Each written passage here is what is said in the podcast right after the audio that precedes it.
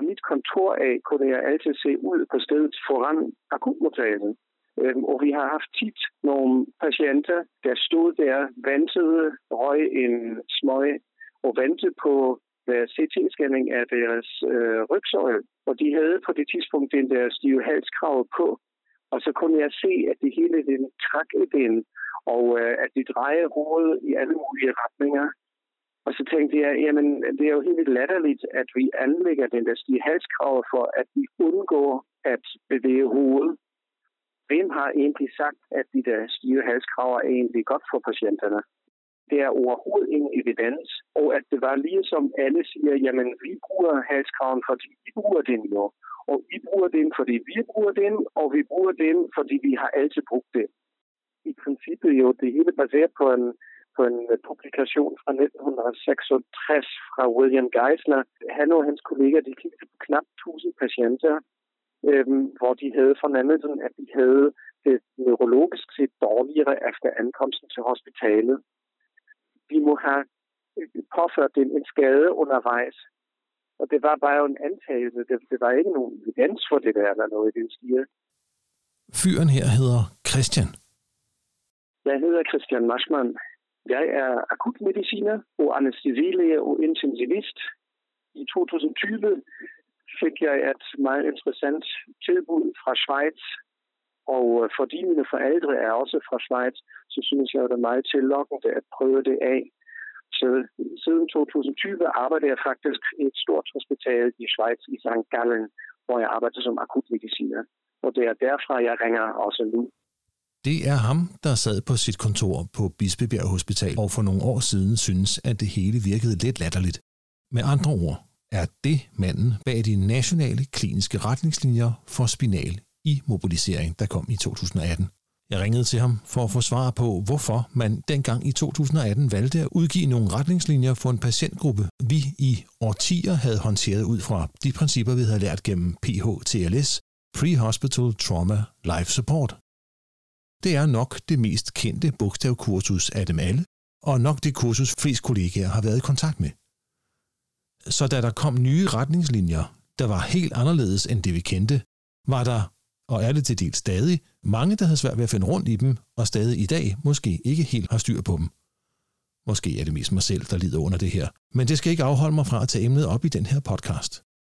En nem tilgang til den traumepatient, der skal immobiliseres. Jeg hedder Ulrik Jørgensen, og jeg er paramediciner på en helt almindelig ambulance i Region Sjælland. Velkommen til IMS Podcast. Inden vi lige går videre, så er der en lille detalje, som jeg er nødt til at nævne. Flere gange undervejs kalder jeg NKR for de nationale kliniske retningslinjer for spinal immobilisering. Det hedder egentlig spinal stabilisering. Men da jeg har fået corona, og det har sat sig på min stemme, beder jeg dig, kære lytter, om selv at huske på den her lille fejl. Og derudover kommer jeg også til at kalde smertevurderingsskalaen NRS, numerisk rangskala for NAS på et tidspunkt. Hermed rettet. God fornøjelse.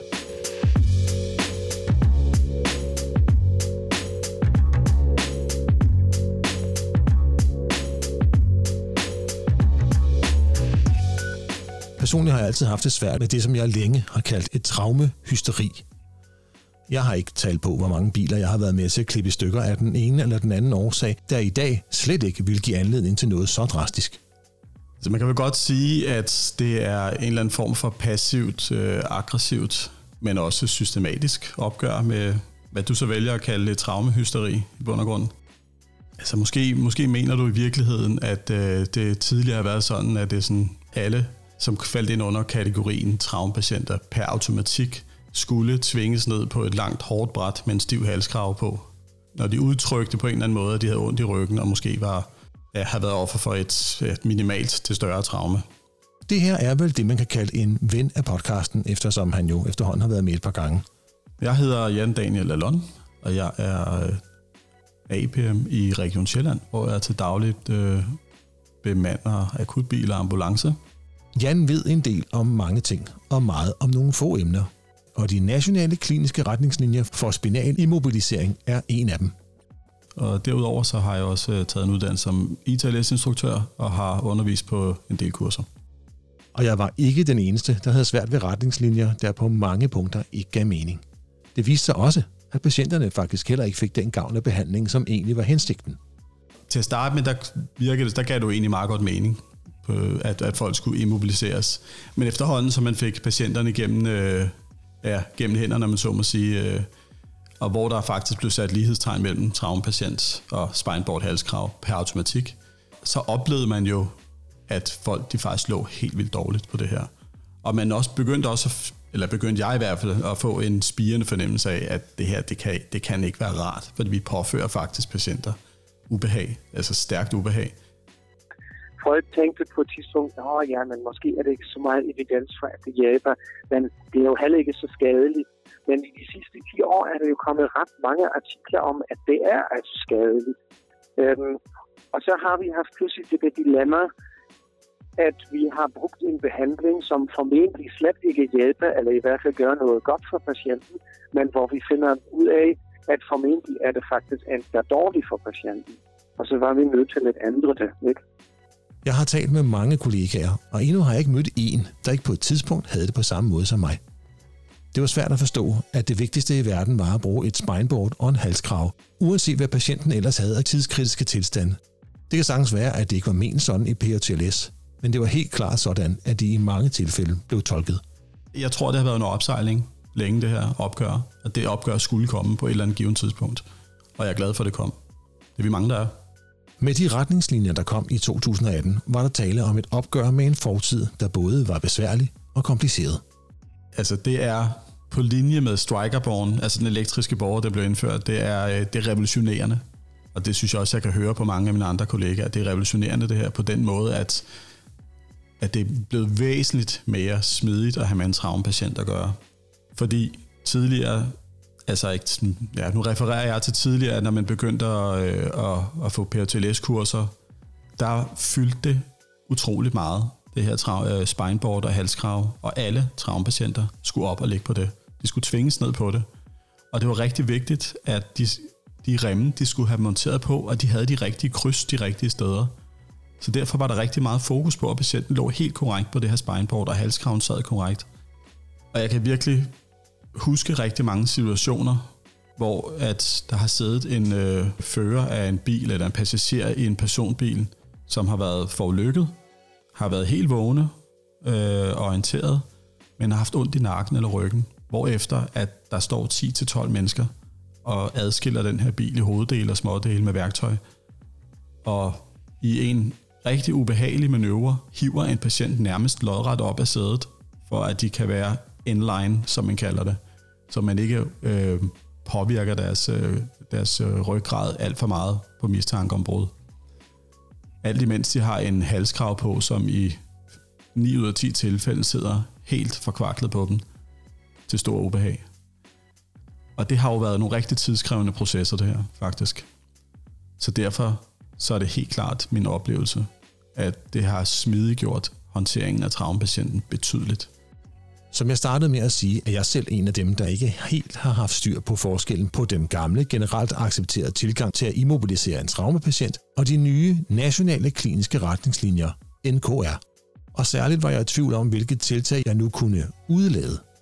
Jeg vidste og ved godt, hvilke elementer jeg gerne ville slippe af med, fordi de ikke gav mening eller virkede ubegrundet, men at kunne agere på dem var ikke muligt. Men de nationale kliniske retningslinjer præsenterede en noget mere enkel og tænk selv tilgang.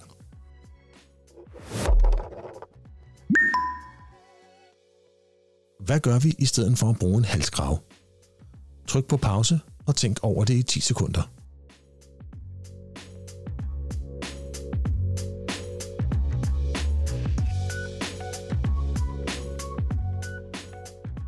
Hvis patienten er i stand til at holde sit eget hoved, hvilket typisk vil være hos en patient, der har Glasgow Coma score 15, hvor der ikke er forståelsesproblemer som f.eks. en sprogbarriere, så er det normalt den bedste løsning. Ellers er der jo altid den manuelle løsning, hvor vi holder hovedet eller støtter på det på anden vis, men det er altså kun, hvis de ikke kan selv.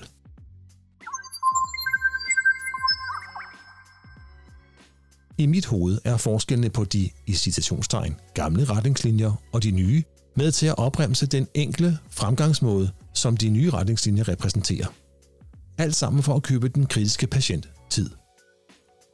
Før i tiden var det i mange henseender lige meget, hvilke traumer der var tale om. Hvis patienten klagede det mindste, fra nakke eller ryg, så hæv vi de store kanoner frem og smed både frigørelse, spineboard, halskraver og alt, hvad vi ellers kunne komme i tanke om efter patienten. Hvad er et relevant traume? Jamen, det kan I godt selv vurdere, venner.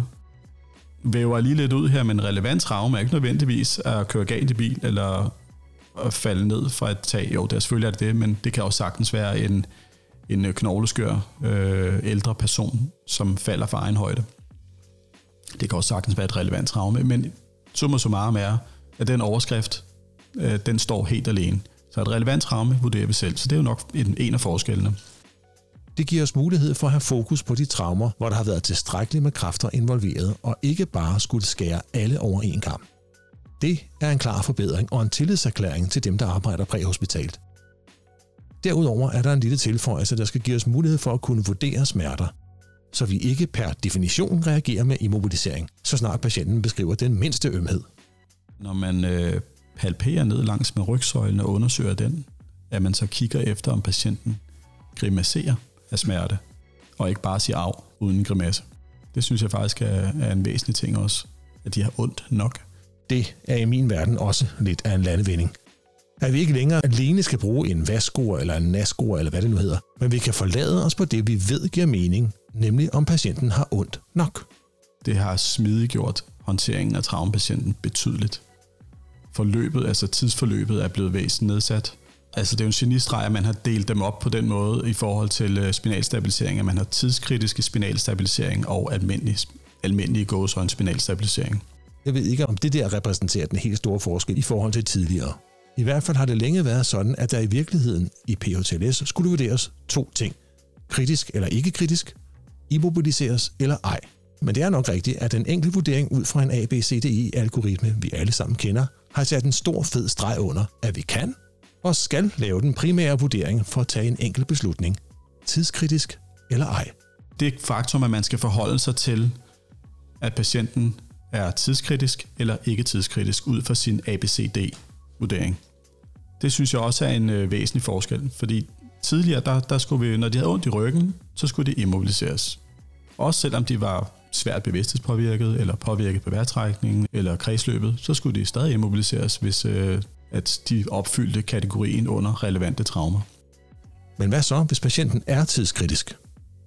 For hvis de er tidskritiske, så hvis de bonger ud på A, B, C eller D, så er de tidskritiske. Det vil sige, så antager vi, at de kan have en skade på øh, kolumner, og så håndterer vi dem derefter. Så det er ikke nødvendigvis at immobilisere en vakuumadras. Det kan også sagtens være at immobilisere på en borg. Hvor vi selvfølgelig passer på dem, det er klart. Men så immobiliserer vi øh, på en borg ved brug af tæpper og borgens sæler. Så bruger vi ikke tid på at hive en vakuumadras ud og folde ud og lægge dem ordentligt på den. Der er købt noget tid til patienten. Og hvad så, hvis patienten ikke er tidskritisk? Er det tidskritiske, så skærer vi den neurologiske undersøgelse fra og antager, at der kan være en skade. Er de ikke tidskritiske, så laver vi en neurologisk undersøgelse og forholder os til den. Og det er helt utænkelige, der i virkeligheden er den forskel, der gør, at vi ikke på nogen tænkelig måde splitter folks køretøjer ad på samme måde, som vi gjorde tidligere. Og så vil jeg så også lige fremhæve en sidste ting her også. Det er jo nok det her med, at man øh, faktisk også tillader, at patienten kan ekstrikere sig selv, som man skriver, at de øh, på nogle kriterier kan, kan selv kan stige ud af bilen, eller rejse sig op fra jorden og, øh, og lægge sig op i en vakuumadresse.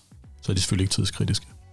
I det store hele er der tale om en væsentlig ændring af nogle retningslinjer, der var baseret på, ja, hvad var det Christian Marschmann sagde? Vi har lavet noget i 40 år, som mangler fuldstændig grundlag for evidensen. Mens det, vi arbejder med nu, er baseret på viden, erfaring og ikke mindst det stærkeste og mest overbevisende ord af dem alle i den sammenhæng. Evidens. Reel bevisførelse for, hvad der virker og hvad der ikke virker. Næsten helt ude er ting som halskrave og spineboard, uden helt måske at være det. Det er nok mere end øh, to år siden, jeg har brugt halskraventest. I nogle tilfælde kan det så være nødvendigt at påføre en halskrav, hvis man skal lave en udtagning fra et eller andet sted, et køretøj, eller øh, en bygning, eller et stenskred, eller hvad, hvor de nu sidder fast hen, den type patienter så kan det være nødvendigt øh, kortvarigt montere en halskrav på patienten, samtidig med, at man stadig laver manuel stabilisering. Når de så er oppe og ligge på borge øh, eller vakkermadras, så skal de så ikke længere den halskrav på, så tager man den af. Og inde i varmen er tillid, erfaring og sund fornuft. Jeg kan godt lide, at man har et sæt retningslinjer, som er så konkrete at gå til, som de er. Og så kan jeg godt lide, at man også lægger op til, at man kombinerer dem med sund fornuft og ikke mindst erfaring. Hvad er et relevant traume?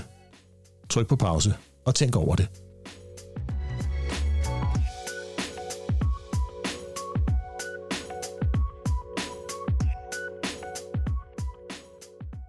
Det er meget svært at svare på, hvad et relevant traume egentlig er. Navnlig fordi NKR lægger op til, at det er den enkelte, der skal vurdere i situationen. Så det er op til dig. Så mens du tænker yderligere over det, så vil podcastens sponsor lige sige et par ord.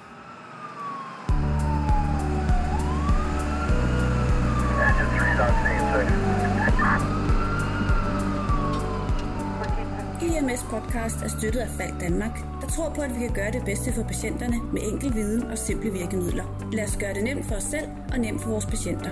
Velkommen i ambulancetjenesten 2022.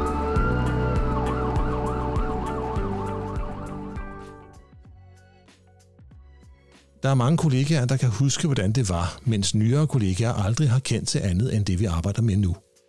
Det betyder ikke, at de nationale kliniske retningslinjer, for der er tale om et digert værk på 45 sider, er sådan lige til at gennemskue.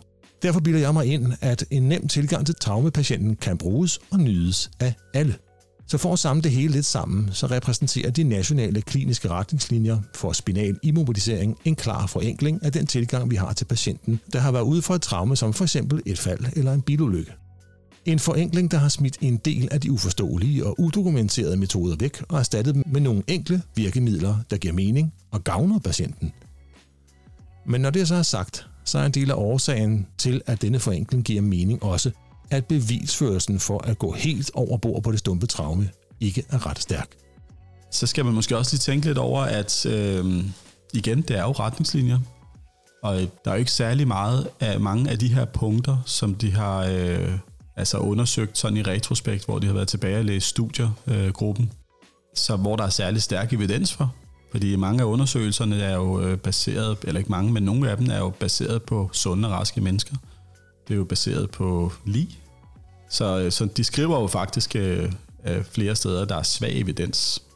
Øh, det, det, der er nok er stærkest evidens for, det er penetrerende traumer. At de skal bare ind i en fart.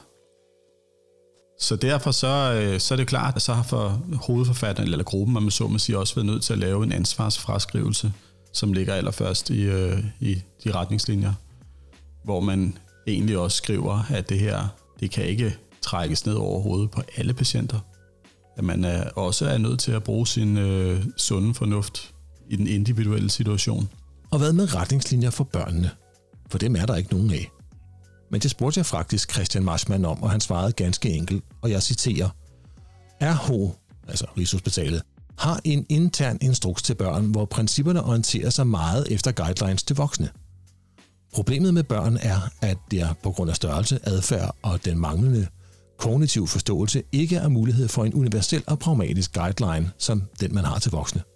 Man kan blot give overordnede anbefalinger, som i princippet hedder, du skal improvisere, og finde en pragmatisk løsning. En decideret vejledning med en algoritme vil blive for komplekst, og så er den ikke længere anvendelig. Med andre ord, brug din sunde fornuft. Jeg elsker det. Først og fremmest altid forholde sig til, om det er et relevant traume. For det er der ikke det, så behøver vi ikke gå videre i forhold til spinalstabilisering af dig. Vi behøver ikke forholde os til det, om de skal spinalstabiliseres. Så det er jo, det er jo dig. Det er jo et aller, aller første punkt på dagsordenen, vil jeg sige. Jeg bad Jan om at finde tre ting, der kunne gøre tilgangen for en patient, der muligvis skal immobiliseres, nem, men han gjorde det endnu mere simpelt, for han kunne kun komme på to. Så her er den anden ting. Det næste er jo, at vi skal forholde os til, om de er kritiske, ud fra en øh, helt almindelig systematik, Så er det en tidskritisk spinalstabilisering. Det vil sige, så skal vi bare på den nemmeste vis og bedste vis for patient stabilisere dem så godt vi kan. Og vi skal ikke undersøge dem. Det, det er det, som er pointen i det her. Hvis de først er tidskritiske, det vil sige påvirket på ABCD, så skal vi formode, at der er en skade. Og så skal vi ikke undersøge dem yderligere. Det er det, der er vigtigt at pointere her. Ikke undersøge dem yderligere neurologisk. Det er det. Relevant traume eller ej. Tidskritisk eller ej. Så er du godt på vej. Jeg er ret vild med det. Det er enkelt, og dermed giver det mig mulighed for at bringe den kritiske patient til definitiv behandling så hurtigt som muligt. Og væk fra tanken om at gøre alt muligt på skadestedet. Lad os se at komme afsted med patienten og intervenere på vejen til hospitalet. Næste gang. My name is Tim Phelan, and for over the past 25 years, what I've done full time is teach and talk on 12 lead ECG interpretation, STEMI recognition, and how to improve cath lab activation decision making. We can actually increase the number of STEMIs we identify correctly, shortening the time to reperfusion, reducing mortality, reducing morbidity. And we can probably make a greater increase than we recognize. And then on the flip side, there's some simple, easy things we can do to reduce unnecessary cath lab activation. If you've learned Winkybox, that's harder than 12 lead interpretation. And it's just a matter of just laying it out in a way that makes sense. Fyren her hed, som han selv sagde, Tim Phelan. Han er vel det nærmeste, man kommer på en levende legende på et internationalt niveau, når det kommer til EKG-fortolkning. Han er forfatteren bag et utal af bøger om netop det emne, og afholder kurser i hele verden, også i Danmark, selvom det er ved at være nogle år siden, han var her sidst. Han mener, det skal være nemt at fortolke et EKG i ambulancen. Skulle du have lyst til at bore lidt i, hvem Tim Phelan egentlig er, så google ham. Så popper hans navn helt sikkert op. Det er næste gang i IMS Podcast.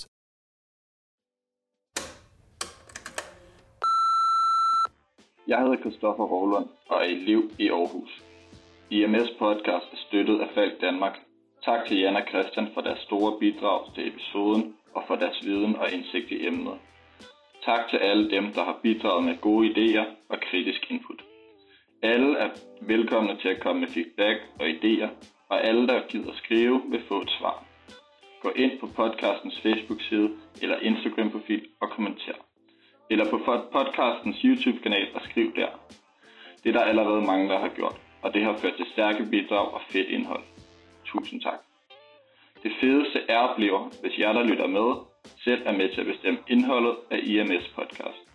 Så mens du tænker over, hvad du gerne vil høre mere om, så klap din kollega på skulderen, fortæl hende eller ham, at han eller hun gør et godt stykke arbejde, og frem for alt, nyd din næste vagt.